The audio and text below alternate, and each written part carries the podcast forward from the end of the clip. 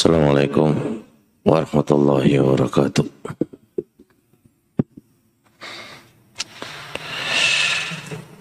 Wassalatu wassalamu ala rasulillah wa ala alihi wa sahbihi wa mawala amma ba'd kita masih dalam pembahasan kitab Al-Usul Syar'iyyatu lita'amuli ma'an nasi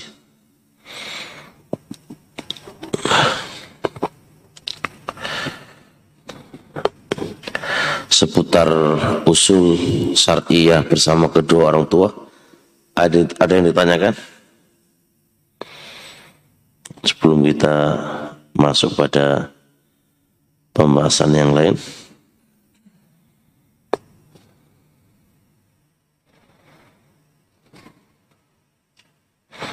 Enggak ada? Baik, kalau enggak ada kita lanjutkan.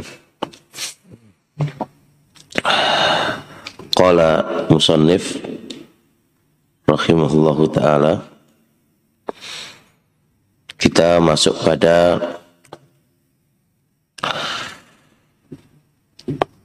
ta'amulir rajuli ma'a zaujatihi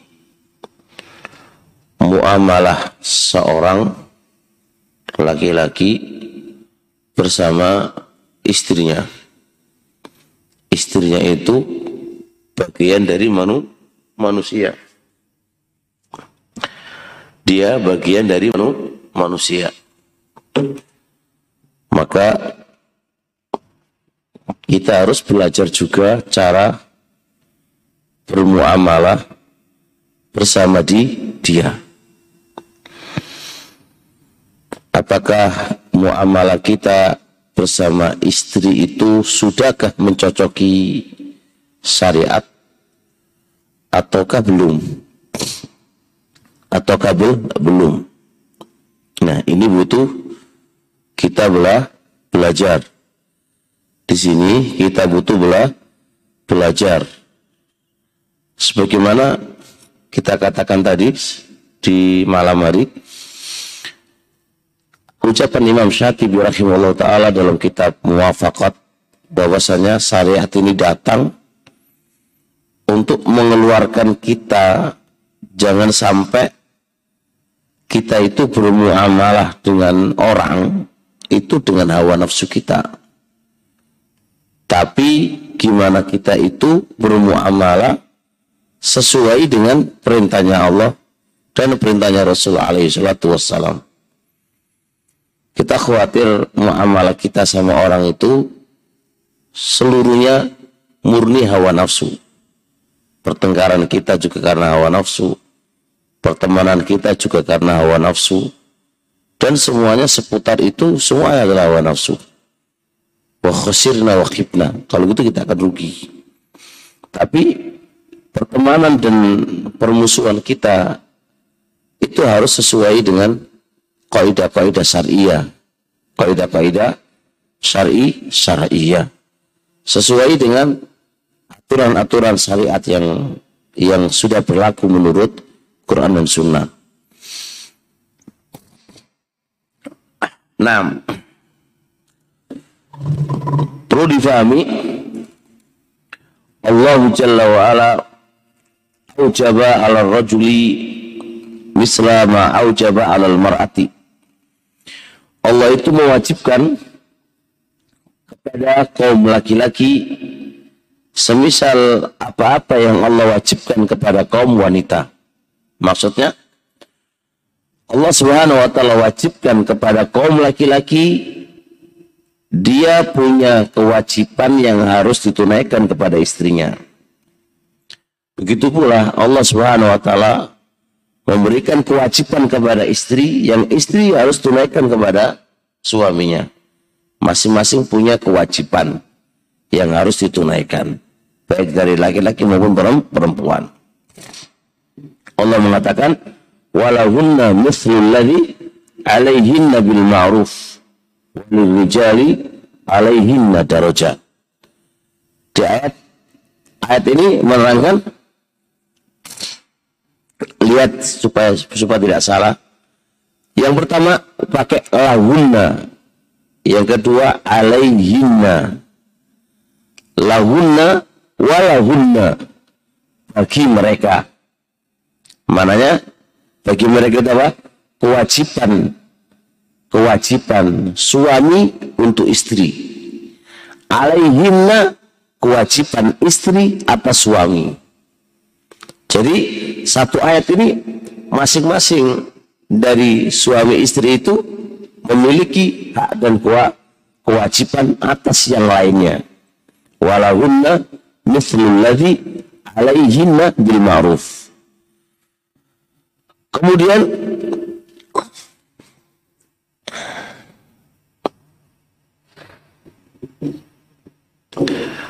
kata beliau, "Faminan nasi man yatazawwaju sebagian manusia ada yang menikah wala yata'allam tapi nggak belajar. Mu'ash ahkama mu'asyarati zauja. Tapi dia nggak belajar hukum seputar bagaimana bermuamalah dengan istri. Banyak di sana orang yang menikah tapi nggak belajar hukum-hukum seputar muasyarah bergaul dengan istri. Ingat-ingat ini. Kaifa yukhatibuha? Bagaimana dia cara berbicara dengannya? Kaifa yatlubu minha? Bagaimana cara dia meminta haknya? Itu nggak belajar. Karena nggak belajar, apa yang terjadi? Kalau dia nggak belajar, maka si suami itu memuamalai istrinya bimuh bimuh bimah hawahu murni pakai hawa nafsu. Karena nggak belajar bagaimana cara mendidiknya, bagaimana cara bermuamalah dengan dia, bagaimana kalau istri itu lagi ngambek, bagaimana cara muamalainya, gimana istri lagi nggak lagi bangkang, gimana cara muamalainya semua kan sudah ada, sudah komplit bagaimana cara syariat untuk menerangkan kepada kepada kita. Dan bagaimana cara kita bermuamalah dengan dengan dia. Itu sudah lengkap. Cuma kita yang nggak belajar. Silakan lagi.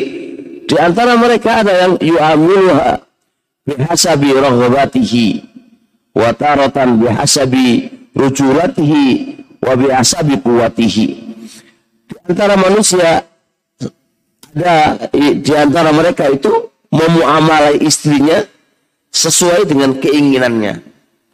Ingin kupukul, kupukul. Ingin tak saduk, tak saduk. Pokoknya suka-suka aku lah. Ada lagi di antara mereka yang memuamalainya sesuai dengan kekuatannya, kelaki-lakiannya. Kalau ngomong keras, kalau ngomong laki-laki, bentak-bentak, suara kencang,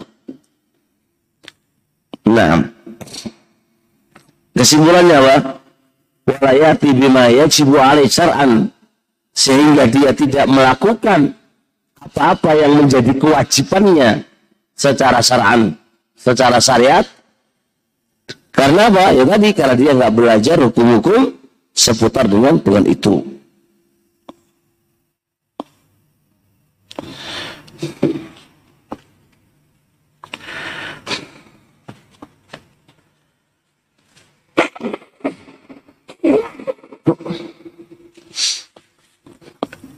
Perhatikan kata beliau, wa ma'ahsana qawla Ibni Abbasin. Alangkah bagusnya ucapan Ibnu Abbas radhiyallahu taala anhu ketika turun ayat ketika beliau menafsirkan walahunna mislu ladzi alaihi bil ma'ruf. Apa kata beliau? Inni la uhibbu astaghfifa kulla haqqi ala imraati hatta la yajibu laha wajaba alaiha. Kata beliau, sesungguhnya aku tuh nggak senang menuntut semua hakku atas istriku. Aku lu nggak senang menuntut semua hakku atas istriku. Sehingga sehingga apa? Sehingga istri juga tidak menuntut semua haknya atas diriku. Kalau laki-laki selalu nuntut, Pak. Istri juga bisa menuntut. Maka yang tepat apa? Tunaikan seluruh hak kamu, maka istri juga akan menunaikan seluruh haknya. Jadi kalau kita merasa nggak bisa memberikan secara utuh, ya kamu juga harus sama. Kan namanya keadilan. Nah, sebagian laki-laki enggak. Pokoknya nuntut haknya harus dipenuhi. Haknya harus dipenuhi.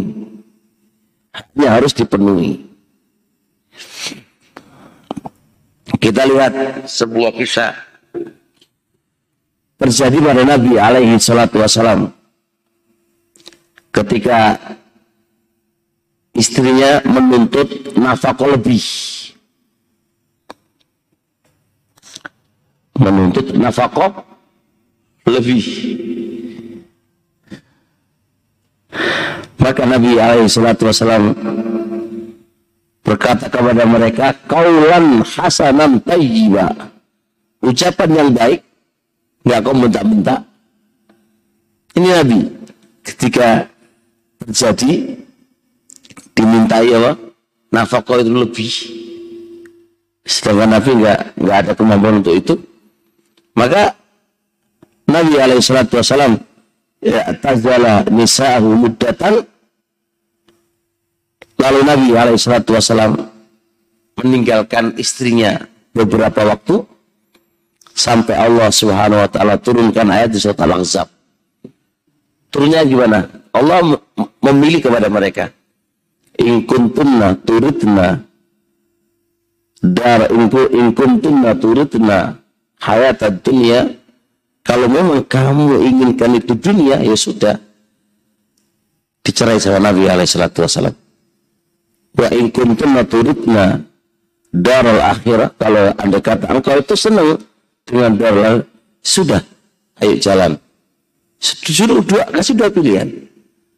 Yang kamu inginkan itu dunia Fatsat alaina usar kunna sarahan jamilah kami saya akan talak kamu dengan talak yang bagus jikalau kamu itu ingin akhirat ya sudah maka istri-istri Nabi alaihissalam ketika terima ayat itu memilih Allah dan Rasul Rasulnya. Yang yang terpenting adalah muamalah Nabi. Gimana ketika istri itu menuntut nafkah lebih. Bagaimana caranya? Itu yang terpenting. Ini kan usul syariah di dalam bermuamalah. Apakah langsung dicerai? Tentu tidak. Nabi i'tazala. I'tazala itu menyingkir dulu. Pergi dulu beberapa saat biar mereka berpikir baru ada turun ayat itu ketika istri meminta sesuatu apa langsung di, dibentak diberi ataukah langsung dipukulin atau bagaimana? Ini semua ada usul syariah berkaitan dengan teman itu. Nah.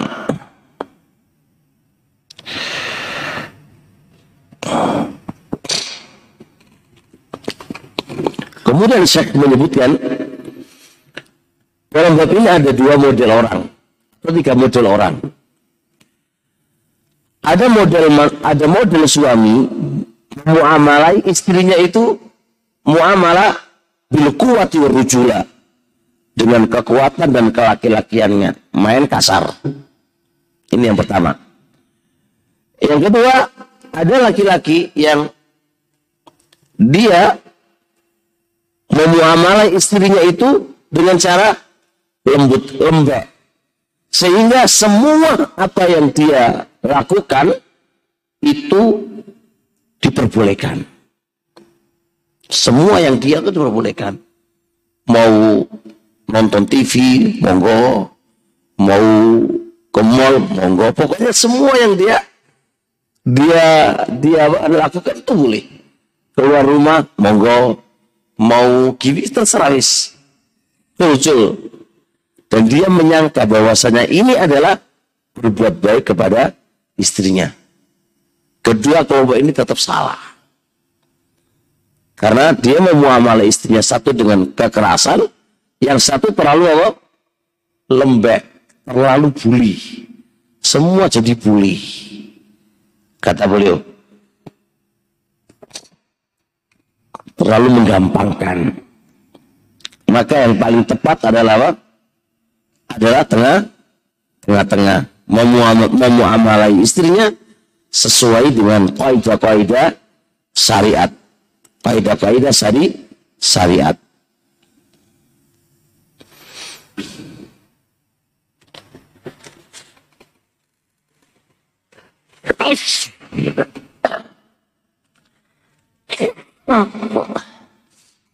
Masalah.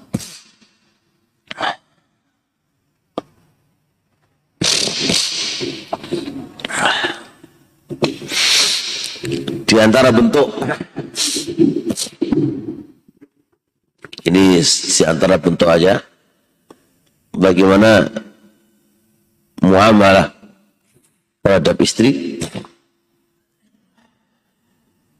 yang sering terjadi kesalahan adalah suami tidak pernah ngajak musyawarah dengan istrinya. Ini dia lebih suka musyawarah dengan orang lain dan istrinya nggak pernah diajak musyawarah. Anggapannya istri itu adalah apa? Nakisatu aktun wadinin, kurang akalnya dan kurang agamanya. Gak perlu ngajak musyawarah. Nah ini kan, ini sebuah contoh muamalah dengan istri benar nggak sesuai dengan syariat pemahaman yang demikian itu. Fal jawab nggak tepat. Karena satu, bagaimanapun Anda itu ya bahagia dan sengsara siapa yang merasakan? Kamu dan istri, istri kamu. Gak mungkin orang lain. Mungkin orang-orang lain. Maka pertama kali yang Anda ajak bicara, hendaknya istri kamu. Hendaknya istri-istri kamu. Kita nggak bisa memandang wanita itu kurang akal dan kurang agama, lalu nggak punya pendapat yang baik.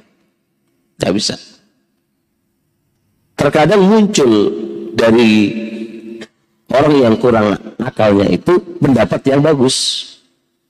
Buktinya di mana? Buktinya Rasulullah alaihi salatu wasalam saat di saat Nabi dan para sahabatnya itu berangkat haji di tahun itu lalu ditahan sama orang-orang musyrikin sehingga terjadi sulh Hudaybiyah sulh Huday Hudaybiyah waktu itu Nabi alaihi salatu wasallam memerintahkan para sahabatnya supaya mencukur rambut-rambut mereka bertanda berarti sudah selesai masa umroh mereka atau masa haji mereka. Berarti batal. Nggak mungkin melanjutkannya kalau sudah ta'alul. Waktu itu Nabi memerintahkan mereka dan tidak ada satupun dari para sahabat melakukan perintahnya Nabi. Tidak ada satupun sahabat yang melakukan perintahnya Nabi bukan karena bandel ke Nabi bukan tapi karena berharap ada wahyu turun dari Allah Subhanahu wa taala membatalkan apa yang menjadi keinginannya Nabi. Itu harapannya. Maka Nabi pun kesel. Lalu ke istri-istrinya di situ waktu ada ada Ummu Salamah. Maka Ummu Salamah ngasih ide ya Rasulullah. Ibda binafsik kamu lebih dulu aja mencukurnya. Sebab kalau kamu lebih dulu, maka nggak akan ada harapan lagi untuk melanjutkan umroh atau haji ini. Nabi masuk usulannya Ummu Salamah. Oh iya juga kan. Padahal di saat itu Nabi lagi murung. Biasa orang murung itu suka marah kalau dikasih masukan kan. Iya kan? Masya Allah luar biasa. Maka Nabi Alaihissalam tidak semisal itulah. Nabi terima masukannya. Lalu dia keluar, kemudian dia halakon memanggil tukang cukur, fahalakoh. Maka Nabi mencukurnya. Lihat, ketika Nabi mencukurnya apa yang terjadi? Para sahabat saat itu sampai petal-petalan itu sampai sampai izdahama sampai apa itu full hampir bisa membunuh satu dengan yang lainnya saking rebutan untuk mencukur yang ini sebuah pelajaran penting bahwasanya apa bahwasanya uh, istri juga punya andil di dalam memberikan masukan dan hendaknya suami juga bisa menerima apa usulan-usulan is, istrinya usulan-usulan istri istrinya.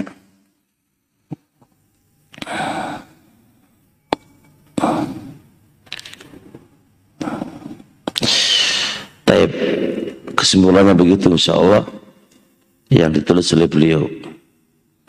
Sebentar ada pertanyaan enggak? Memang kaidah ini umum, enggak mungkin dirinci oleh beliau. Tapi seharusnya kita sudah harus paham menuntut bagi kita sebagai suami belajar supaya kita bisa bermuamalah dengan istri itu dengan dengan benar. Jangan kita sesuai dengan hawa nafsu kita atau prasangka kita, tapi benar-benar berjalan di atas syariatnya Allah Subhanahu wa taala.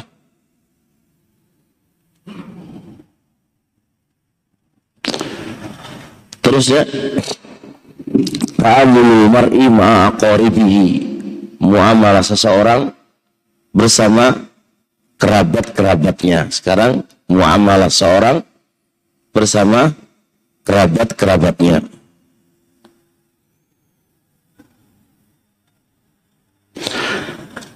Muamalah seseorang bersama kerabat-kerabatnya ini termasuk babu silaturahim, bab menyambung silaturahim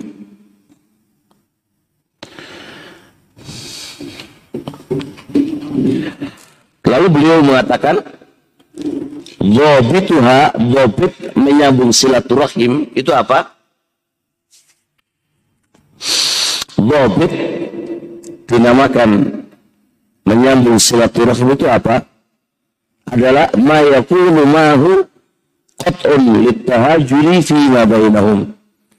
Ketentuan menyambung silaturahim itu adalah tidak ada di sana terjadi tahajur. Tidak ada di sana terjadi tahajur, saling meninggalkan fima bainahum. Jadi jikalau di sana tidak ada namanya tahajur, saling meninggalkan, berarti itu namanya menyambung silaturahim. Jawabnya begitu. Ma yakunu mahu qat'un litta'ajuri fi ma bainahum. Tidak ada di sana saling meninggalkan apa-apa yang ada di antara mereka. Kalau sudah ada upaya saling meninggalkan antara satu dengan yang lainnya, maka itu namanya apa? Memutus silaturahim. Kata beliau, sambunglah walau kanat bil hatif sambunglah walaupun dengan cara menelpon. Jadi cara menelpon itu adalah sebuah bentuk apa itu? Kita bisa menyambung silaturahim walaupun kita bisa, belum datang ke, belum bisa datang kepada kepadanya. Tapi bila hati dengan telepon itu juga bagian daripada menyambung silaturahim.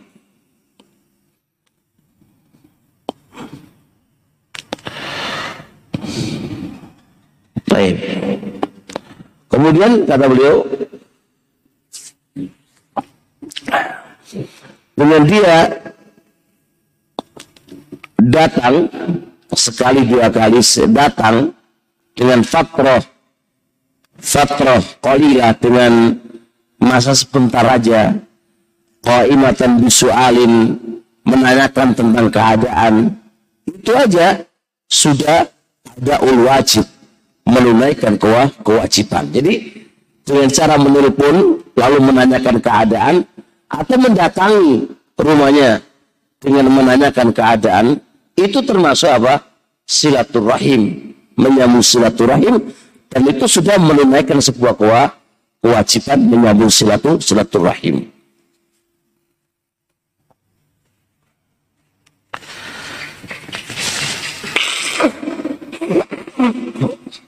itu ada wajib, ada ada mustahab menunaikan perkara sunnah adalah Anda selalu berusaha menanyakan keadaan dan membantu ke apa yang menjadi kekurangannya. Kurang apa dia bantu. Itu mustahab. Lebih sunnah lagi. Karena itu kan kerabat kita. Di saat dia kurang, Anda, anda bisa bantu dia. Kurang nafakonya, dibantu nafakonya dan seterusnya. Terkait dengan yang demikian, yang demikian itu. Ini adalah ta'amul ma'akrabat yang bersifat lebih yaitu sun sunnah. Ada ada wajib menunaikan kewajiban yaitu dengan cara tidak memutus. Bagaimana caranya? Walaupun menanyakan nelpon dan seterusnya itu termasuk bentuk tidak ada pemutusan. Dan ini dibatasin. Kalau ada kata sebulan itu terasa kok kayaknya kita akan apa? Berpisah ya datangin nyambung. Karena ketentuan Selama keadaan menuntut seminggu seminggu. Selama keadaan menuntut dua minggu dua minggu. Karena syariat tidak ada pembatasan. Maka kalau dikembalikan kepada kaidah apa itu sebab adanya musabab. Akibatnya putus disebabkan tidak adanya uh, hubungan maka saat itu wajib diadakan hubungan supaya nggak ada ter terputus. Jadi muktamo ketika ada tuntutan ada muktamo maka berarti harus diadakan tuntutan itu supaya tidak berakibat putus silaturahim. Jadi nggak ada ketentuan secara paten berapa hari kah, berapa bulan kah, dan berapa tahun-tahun kah. Semua sesuai dengan tuntutan keadaan. Ada tuntutan, maka saat itu harus ah, ada. Kalau nggak ada, ya nggak apa, nggak apa-apa. Ini jangan dilalaikan. Dan namanya kerabat itu berarti kembali ke kerabatnya laki-laki dan kerabat is, istri. Kerabat laki-laki dan kerabat is, istri. Itu namanya hubungan kera, kerabat. Anda sebagai suami nggak boleh juga memutus hubungan kerabatnya istri dengan keluarganya karena itu nanti dikatakan pemutus silaturahimnya maka butuh ada hubungan satu dengan yang yang lainnya. Tapi beliau cukupkan di situ secara singkat, kaidah secara kaidah secara umum. Ada pertanyaan terkait dengan kerabat? Pertanyaan sekarang adalah ini, ketika kerabat hutang duit sama kita, apakah wajib mengutanginya? Dibahas di fikih. Kerabat utang duit sama kita. Apakah wajib kita mengutanginya? Eh? Kantung sisi ketergantung itu hasil. Ada situasi wajib kapan? Kalau memutus ya. Iya, Masya Allah. Ustaz Rahmat ini punya rincian ini. Ada tergantung dengan kata, tapi diikat. Tergantung keadaan dan diikat di atas kemampuan di dia. Itu penting. Faham ya? Tetap diikat sesuai dengan situasi dan keadaan. Tapi harus diikat sesuai dengan kemampuan di dia. Kadang kerabat itu susah. Kalau utang sama kita terus kita nggak punya itu dianggap mutus gitu loh. Padahal memang nggak ada gitu loh. Kalau ada ya baru. Kalau nggak ada kan repot. Dan yang kedua, kedua juga diikat. Keadaan dia gimana? Dia kadang terkenal nggak mau bayar utang. Setiap kali utang itu nggak pernah apa? Bayar. Itu juga diikat. Diikat. Jadi semua ini kan sesuai dengan syariat nih. Kita nggak boleh pakai perasaan kan. Semua diikat dengan kaidah syariat. Jadi ketika dia utang, lihat gimana dia. Nyaur nyaur nggak dia? Karena ada model gitu, utang tapi nggak mau ya nyaur. Kemudian kalau nggak diutangi, ngamuk-ngamuk, marah-marah kan begitu. Kita juga nggak bisa, nggak bisa apa? Nggak bisa kita eh, apa namanya menghancurkan saudara kita dalam sebuah dosa. Tolong menolong di atas dosa kan nggak bisa juga. Kalau anak utangi, dia nggak pasti nggak bayar. Justru malah beban bagi bagi dia di akhiratnya. Ya maka antum dua pilihan, enggak atau mengikhlaskan. Kan begitu. Nah bisa nggak mengikhlaskannya? Ya sudah gak usah utang mas, ini tak kasih aja. Bagus. Sebab kalau nambah hutang, dia nggak usah beban bagi bagi dia. Nah itu juga harus di, dipikir matang-matang. Karena kita muamalahnya bukan muamalah perasaan dan hawa nafsu. Semua dengan kaidah-kaidah syari syariah.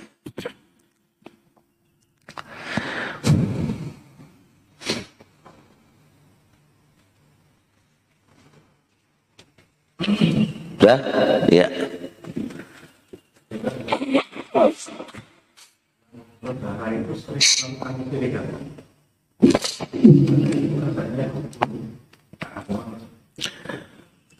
Jikalau keluarga kita itu dukun atau berbuat kesyirikan, ada dua hak yang harus kita perhatikan. Hak keluarga hak ingkar mungkar. Nah, hak keluarga tetap dia adalah keluarga kita, walaupun dia begitu. Maka tetap kita mengunjungi, mengunjungi bukan karena apa? Bukan karena meminta dan bertanya kepada dukun, tapi mengunjungi apa? Karena saudara. Nabi Yuna alaihi salatu wassalam itu juga mengasih izin ketika ada orang mertuanya itu kafir, istrinya Nabi, dia datang dari Mekah ke kota Madinah untuk menjenguk anaknya, Nabi izinkan. Jadi ini yang kadang-kadang kita tidak dipahami. Wah itu syirik menyekutukan Allah. Iya di satu sisi itu kerabat kita, walaupun bagaimana kerabat kita. Tentu kita ada upaya untuk menyambung menyambungnya. Kata kamu kata kita putus pun gak berefek apa-apa, gak bakal meninggalkan apa kedukunannya. Di situ malah repot kita. Ya kita datang, kemudian kita bisa nasihatin dengan cara pelan-pelan. Kita kasih wawasan, kita masih masukkan, kasih. Makanya para ulama itu memerinci apa hukum datang ke dukun. Satu, datang karena kerabat. adalah basabi. Kedua, datang untuk bertanya. Maka hukumnya haram. Sholatnya nggak diterima. Datang untuk bertanya dan membenarkan. Maka ini kufur dengan apa yang dibawa oleh Muhammad Sallallahu Alaihi Wasallam. Jadi dirinci, di, dirinci. Nggak kok datang ke dukun. Ini kan kadang-kadang kurang paham kan? Karena kurang paham agama sehingga dia salah dalam mensikapi keluarganya itu. Dia mendatangi dia membawa hadis tadi man ata'arrafan fasa'alahu lam tuqbal lam tuqbal salatu arba'ina yauman. Siapa yang mendatangi peramal lalu bertanya kepada peramal maka tidak diterima salatnya 40 kali 40 hari. Gak diterima salatnya maksudnya apa? Gak diterima pahalanya. Sholatnya sah, cuma pahalanya nggak di nggak diterima. Ini banyak orang juga memahami hadis tanpa melihat saranya, karena dia melihat konteksnya hadis. Jadi dia bilang nggak diterima sholatnya. Ini salah paham. Maksud nggak diterima itu adalah pahalanya nggak diterima oleh Allah Subhanahu Wa Taala. Adapun sholatnya tetap sah. Maka dalam usul fikih itu ada Allah nggak menerima itu ada dua makna. Allah nggak menerima sholatnya batal dan Allah nggak menerima mananya sholatnya sah, tapi pahalanya nggak diterima oleh Allah Subhanahu wa taala. Ini kadang-kadang orang nggak paham, nggak baca usul fikih, terus nggak baca sarahnya, terus ini kan kapasitas kita sebagai ustadz ini kan terkadang banyak baca, terkadang kurang baca, sehingga menerangkannya sesuai dengan apa? Dengan bahirnya hadis begitu lalu dia pahami Allah tidak menerai batal. Batal tidak. Kenapa dikatakan tidak? Yang namanya batal itu secara kaidahnya dia meninggalkan satu syarat-syaratnya, dua rukun-rukunnya. Apakah ada syarat rukunnya sholat gak boleh datang ke dukun? Enggak ada. Enggak ada. Kalau nggak ada, maka ulama kayak Nawawi, kayak yang lain mengatakan, ya sah sholatnya. Kalau andai kata itu dibilang tidak sah, kaidah usul fikihnya, berarti apa? Tanggungannya itu masih ada dan wajib mengkolok. Berarti wajib mengkolok sampai elek, berarti nggak nggak sah saya berarti. Sampai elek, sholat duhur suruh kolok, kan batal suruh kolok. Terus kapan sahnya? Wong wong tidak tidak mungkin tidak tidak sawang dia masih berbuat yang demikian. Terus suruh komo, tambah capek. Oh capeknya juga disuruh kok selesai saat suruh kodok lagi. Suruh saat kodok terus sampai kapan? Ini yang agak nggak pas. Tapi di mana apa? Di tidak diterima. Kenapa nggak diterima? Pahalanya itu ditembelkan terhadap dosanya dia itu. Itu aja masih kurang gitu kan. Jadi pahalanya dia itu ditempelkan terhadap perbuatan dosa yang dia lakukan dengan dia mendatangi du, dukun itu. Itu suara jadi itu aja gak nggak nutut.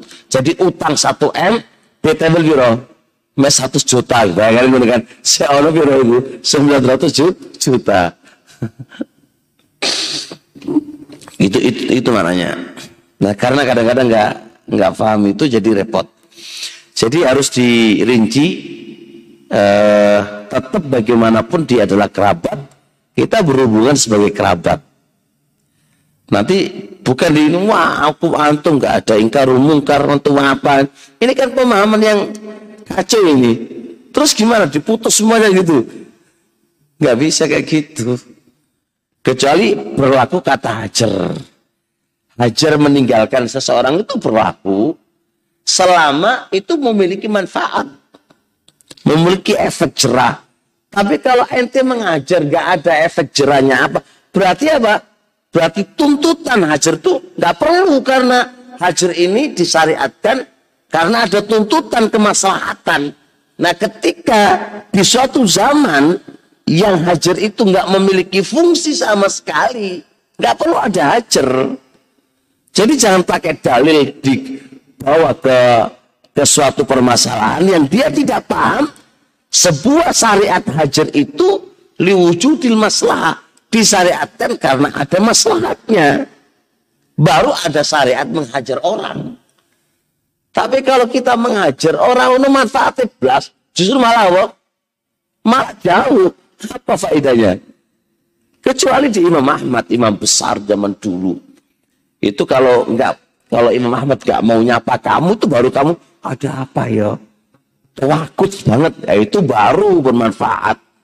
Kalau awak kita itu diri kita enggak nyapa dia orang pakaian masih banyak orang gitu kan. ya kan? Masih banyak orang bahkan ya zaman sekarang Pak orang itu zaman sekarang itu diusir dari pondok ala apa pindah pondok yang lain masih banyak kok jadi nggak bisa model sekarang itu di, dipakai seperti seperti zaman dulu. Rasul mengajar Kak, syariat mengajar, yo iya. Kalau Rasul yang mengajar, stres para sahabatnya. Waduh, Rasul mengajar saya. Kalau Ustadz Ustadz mengajar kita, pelukutus orang manfaat plus. Jadi nggak ada. Justru malah tambah tambah marah, tambah marah, tambah nambah permusuhan. Mana ada syariat itu diwajibkan dan diadakan kok malah nambah per, permusuhan nggak mungkin karena secara kaidah syariahnya syariat itu di disyariatkan di masalah apa? Masalah itu apa? Gitu kan? Orang orang masalah kok malah diperlakukan. Ini terkadang sebagian kita ini tidak ngerti dan nggak memahami kenapa ini disyariatkan liwujudil masalah. Adanya masalah nggak diperhati sama dia. Bahkan lucu-lucu banget eh, orang yang tidak mengajar itu ninggalin hadis ini ini wis paham itu ono hadis ono akal ulama itu wis paham. Bukannya nggak paham tapi anda yang tidak paham. Tujuan mereka itu apa? Dan keadaannya gimana? Anda nggak paham itu. Zaman dulu sama zaman sekarang beda bro. Beda. Beda tuntutan. Beda tuh tuntutan. Nggak bisa. Apa namanya teori yang ada di salaf dulu, misal contoh dalam pendidikan, dalam pendidikan anak, teori yang ada di zaman dulu, nggak bisa mutlakon kita gunakan di teori di zaman era sekarang. Era sekarang ini sebuah luar biasa, yang itu nggak ada di zaman zaman zaman dulu. Terus ngasih tahu anak dengan sekarang ini berbeda, cara didiknya juga berbeda, berbeda karena keadaan. Karena keadaan era zaman kita ini luar biasa luar luar biasa. Bisa dipahami insya Allah? Ya kayak kasus muamal dengan orang tua kan gitu. Orang tua rokokan. Mana punya orang tua kok rokokan? Tinggalin orang tuanya. Disikatin orang tuanya, dimarahin. Nggak mau nyapa, nggak mau ngasih duit yang lainnya. Inilah apa muamal kayak gini ini. Inilah apa ini? Nggak ngerti ilmu semangat modalnya gitu kan. Terus juga dua cara muamalah ketika orang tua salah. Beda dengan orang lain yang salah. Kalau orang jebret keras keras gak apa-apa. Ini orang tua kamu. Itu ada usulnya dulu. Ada ada teori ada ada, ada kaidahnya cara menasihatin orang orang tua. Sama aja dengan guru. Guru salah. Beda dengan anda muamalah dengan orang lain. Ini nggak jebret pokoknya guru atau orang podo wis. Pantem wae. Iki lho popo iki? Makanya saya katakan itu justru merusaknya lebih banyak daripada memperbaiki. Wis salah segi dakwah meneng wae. Dakwah itu tujuannya memperbaiki orang bukan tambah merusak merusakin orang. Ya karena nggak ngerti ilmunya. Nggak ngerti ilmu ilmunya ada seorang yang dulu itu dia sakit hati pada orang tua. Karena ketika kecil bermuamalah dengan orang tuanya itu di berkaitan dengan asusila. Asusila. Di sini. Datangnya. Mungkin di iya. Akhirnya ketika besar si anak ini trauma. Trauma hingga dia memutuskan perkaranya sendiri tanpa mengikuti orang termasuk nikah dan lain bagaimana kondisi ini? Tetap salah. Anak tetap salah. Dia digituin bagaimana? Tetap orang tuanya. Dia jatuh dalam perbuatan masa tetap orang tuanya. Jadi cara muamalah tetap dia itu orang tuaku. Dia melahirkanku tetap dia punya kewajiban bagi saya untuk berbuat baik padanya. Tetap itu bagaimana tua kamu. Gak usah jauh-jauh ayat terus syirik. Besar mana syirik dengan apa? Dengan susila tadi. Besar syirik. Tapi nggak sahih wa dunia ma'rufah kan. Urusan dosanya dia tetap kita muring-muring marah-marah. Kan siapa pun orang yang berbuat dosa tetap dalam hati kita tetap marah. Tapi tidak kemudian setelah itu kita nggak punya hubungan, nggak punya apa, nggak bisa. Tetap itu adalah kewajiban kamu sebagai anak untuk berbuat baik kepada kedua orang tua kamu. Tetap. Tetap salah itu. Sampai nikah nggak ada izin, nggak ada apa. Waduh. Nih, walaupun dia akhwat kan.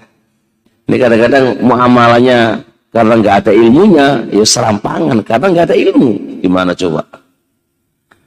Sehingga orang bilang, oh, ngaji kok tambah keras kayak gini ya. Ini kan anggapan orang, oh, ngaji kan harusnya tambah lunak, tambah lembut, tambah apa kok tambah kayak gini ya. Ini ini kan tambah lucu banget ini kan. Kan begitu. Siapa sih yang gak punya salah sih? Barangkali orang tua itu punya kesalahan dan nggak masuk di akal kok bisa orang tua saya begitu kan sebuah kekhilafan kan gitu kan. Terus itu nggak bisa dimaafkan gitu. Ya gitu dari kesalahan. Ya kalau dia tobat dimaafkan. Namanya orang tua. Bibikung tuh sampeyan mau diapa no? Sawele-wele dia adalah tetap orang tua. Orang tua kamu mau dia penjahat, pencuri atau bibiku orang tua. Ini saya malu Ustaz. Apa namanya? Punya orang tua begitu ketemu di jalan nggak mau nyapa saya karena malu. Terus piye? Piye pin bapakmu kan? Masa kamu hilangkan pinnya? Ya enggak?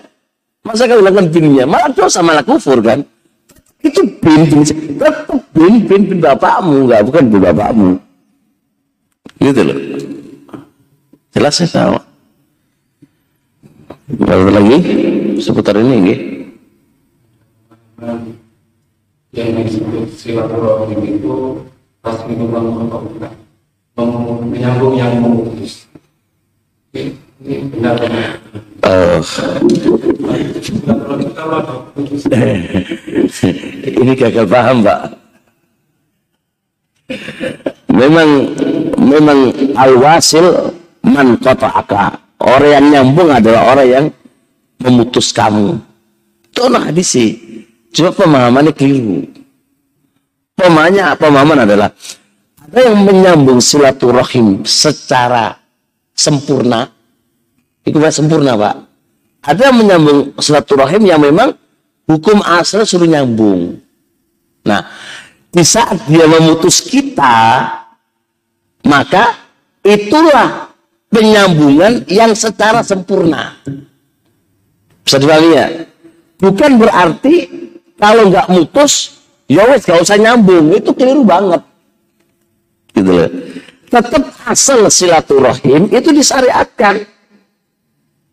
Nah, ketika dia memutus kita, saat itulah biasanya kita apa? Membalas memu memutus. Jadi itu kan. Maka syariat ngasih keutamaan.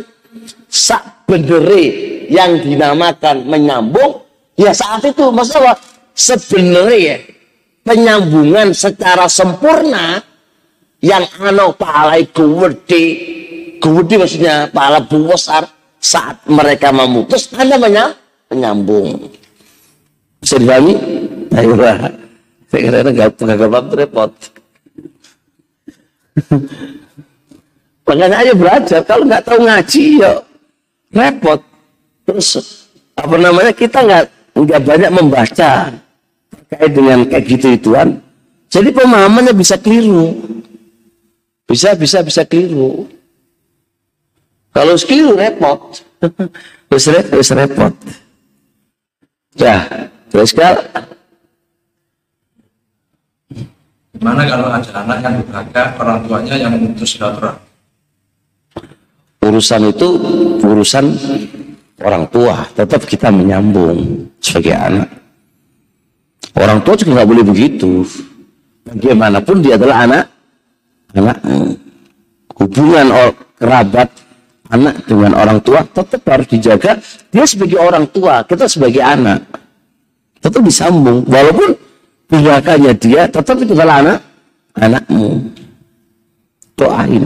Makanya pendidikan ada apa namanya eh, pendidikan orang tua terhadap anak kalau kalau bisa dibalik nah anak kok bisa kayak gitu teko sopo kata teko awak itu orang tua Enggak. Karena kata Ibnu Qayyim, sebab terbesar anak itu nakal toko sopo. Toko orang tua. Maka durhakanya anak itu sebenarnya adalah paling terbesar sebabnya adalah orang tua. Maka enggak enggak, enggak patut orang tua lalu anaknya durhaka kemudian ditinggalkan. Nggak boleh ke rumah nggak boleh apa itu kurang pas. Justru terbaiknya bagi orang tua adalah melepas diri menghadap kepada Allah mohon kepada Allah semoga anaknya itu bisa itu dan mendekati anak. Kok tambah begitu salah. Tetap hubungan kerabat orang tua dengan anak dia harus jaga. Dan seorang anak kepada orang juga dia dijaga paham ya walaupun berat ya orang tua seberat berat itu itu itu, itu mau, mau gimana orang tua harus harus mikir juga jangan kesalahan saya gitu loh bukan kesalahannya anak kullu mauludi yuladu alal fitrah setiap anak itu dilahirkan di atas kebaikan loh. Dua orang tua lah yang menyebabkan dia jadi begitu. Dan itu bisa difahami. Sebabnya itu karena apa orang? Orang tua. Kata dulu kan dalam kitab Tufatul Maulud, di dua tempat itu belum mengatakan sebab nakalnya anak itu murni terbesarnya adalah orang orang tua. Itu kata dulu Qayyim. Survei dulu Qayyim itu luar biasa itu. Di Tufatul Maulud. Sudah dipahami insya Allah. Ya.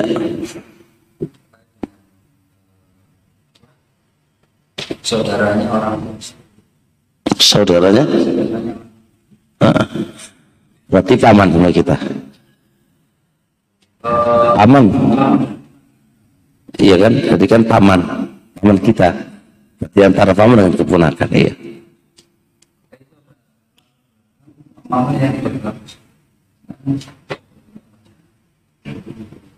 Bagaimana ketika orang tua itu menasihati kita supaya berhati dengan paman kita.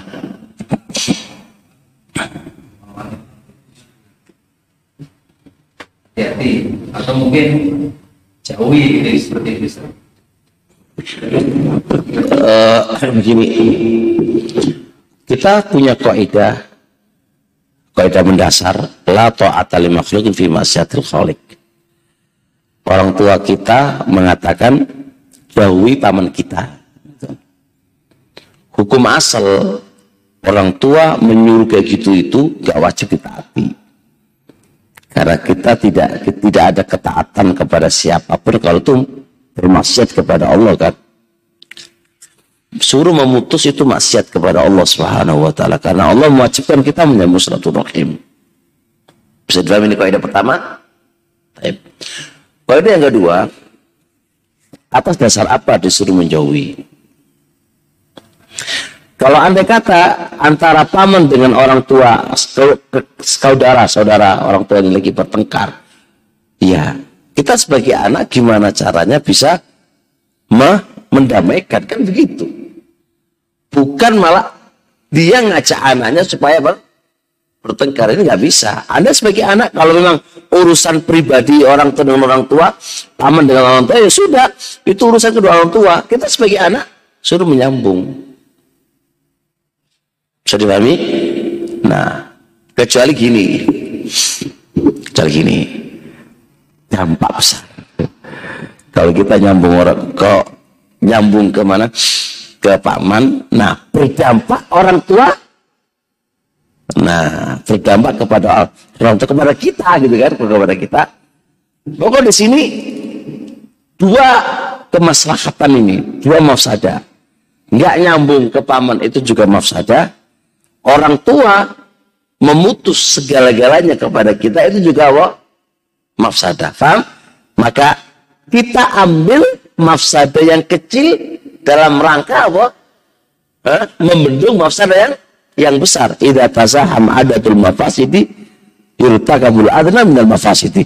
Tabrakan dua mafsadah, maka lakukan mafsadah yang paling kecil untuk membendung mafsadah yang besar. Itu kalau kita cara hubungannya terang-terangan. Tetap kita kan bisa berhubungan lewat telepon atau yang lain kepada paman secara rahasia yang itu nggak diketahui oleh orang orang tua kita kan begitu. Tetap nggak bisa diputus. Walaupun itu perintah orang tua. Tapi kita nggak bisa dengan cara terang-terangan karena berefek kepada orang tua kita kan gitu kan. Maka ambil yang mafsadah yang terkecil itu tidak menghubungi secara terang tapi bisa kita hubungi dengan secara rahasia tanpa sepengetahuan orang orang tua kita. bagaimanapun tetap kita nggak boleh memutusnya. Ingat itu. Walaupun dia punya masalah sama itu urusan berdua aja sudah. Kalau bisa kita islahkan antara kedua orang tua dengan paman, kita islahkan, kita damaikan. Itu tugas kita. Tapi kalau nggak bisa, ya udah dengan cara tetap berbuat baik kepada mereka mereka semua. Itu ini adalah usul syariah yang nggak salah ini. Nggak bisa kita serampangan. Kemudian kita main putus saja kayak putus selayangan aja kamu selayangan. Bisa dalam insya Allah? Baik sampai di sini dulu insya Allah. Abu Ahmad yes, pengen cepat selesai itu Insya Allah kajian nanti pagi membahas tentang babul hadona babul hadona jadi bab yang membahas tentang uh, keluarga ketika lagi cerai. Siapa yang berhak merawat anak? Siapa yang berhak merawat anak? Ini kan kadang-kadang pertengkaran antara suami istri semua semua berhujat dan beralasan saya sebagai laki-laki ibu bilang apa? Saya sebagai ibunya gitu kan dari pertengkaran menjadi-jadi karena ketidakfahaman siapa yang berhak di dalam mengurus ini semuanya. Sampai di sini insya Allah subhanakallah wa hamdika Assalamualaikum warahmatullahi wabarakatuh.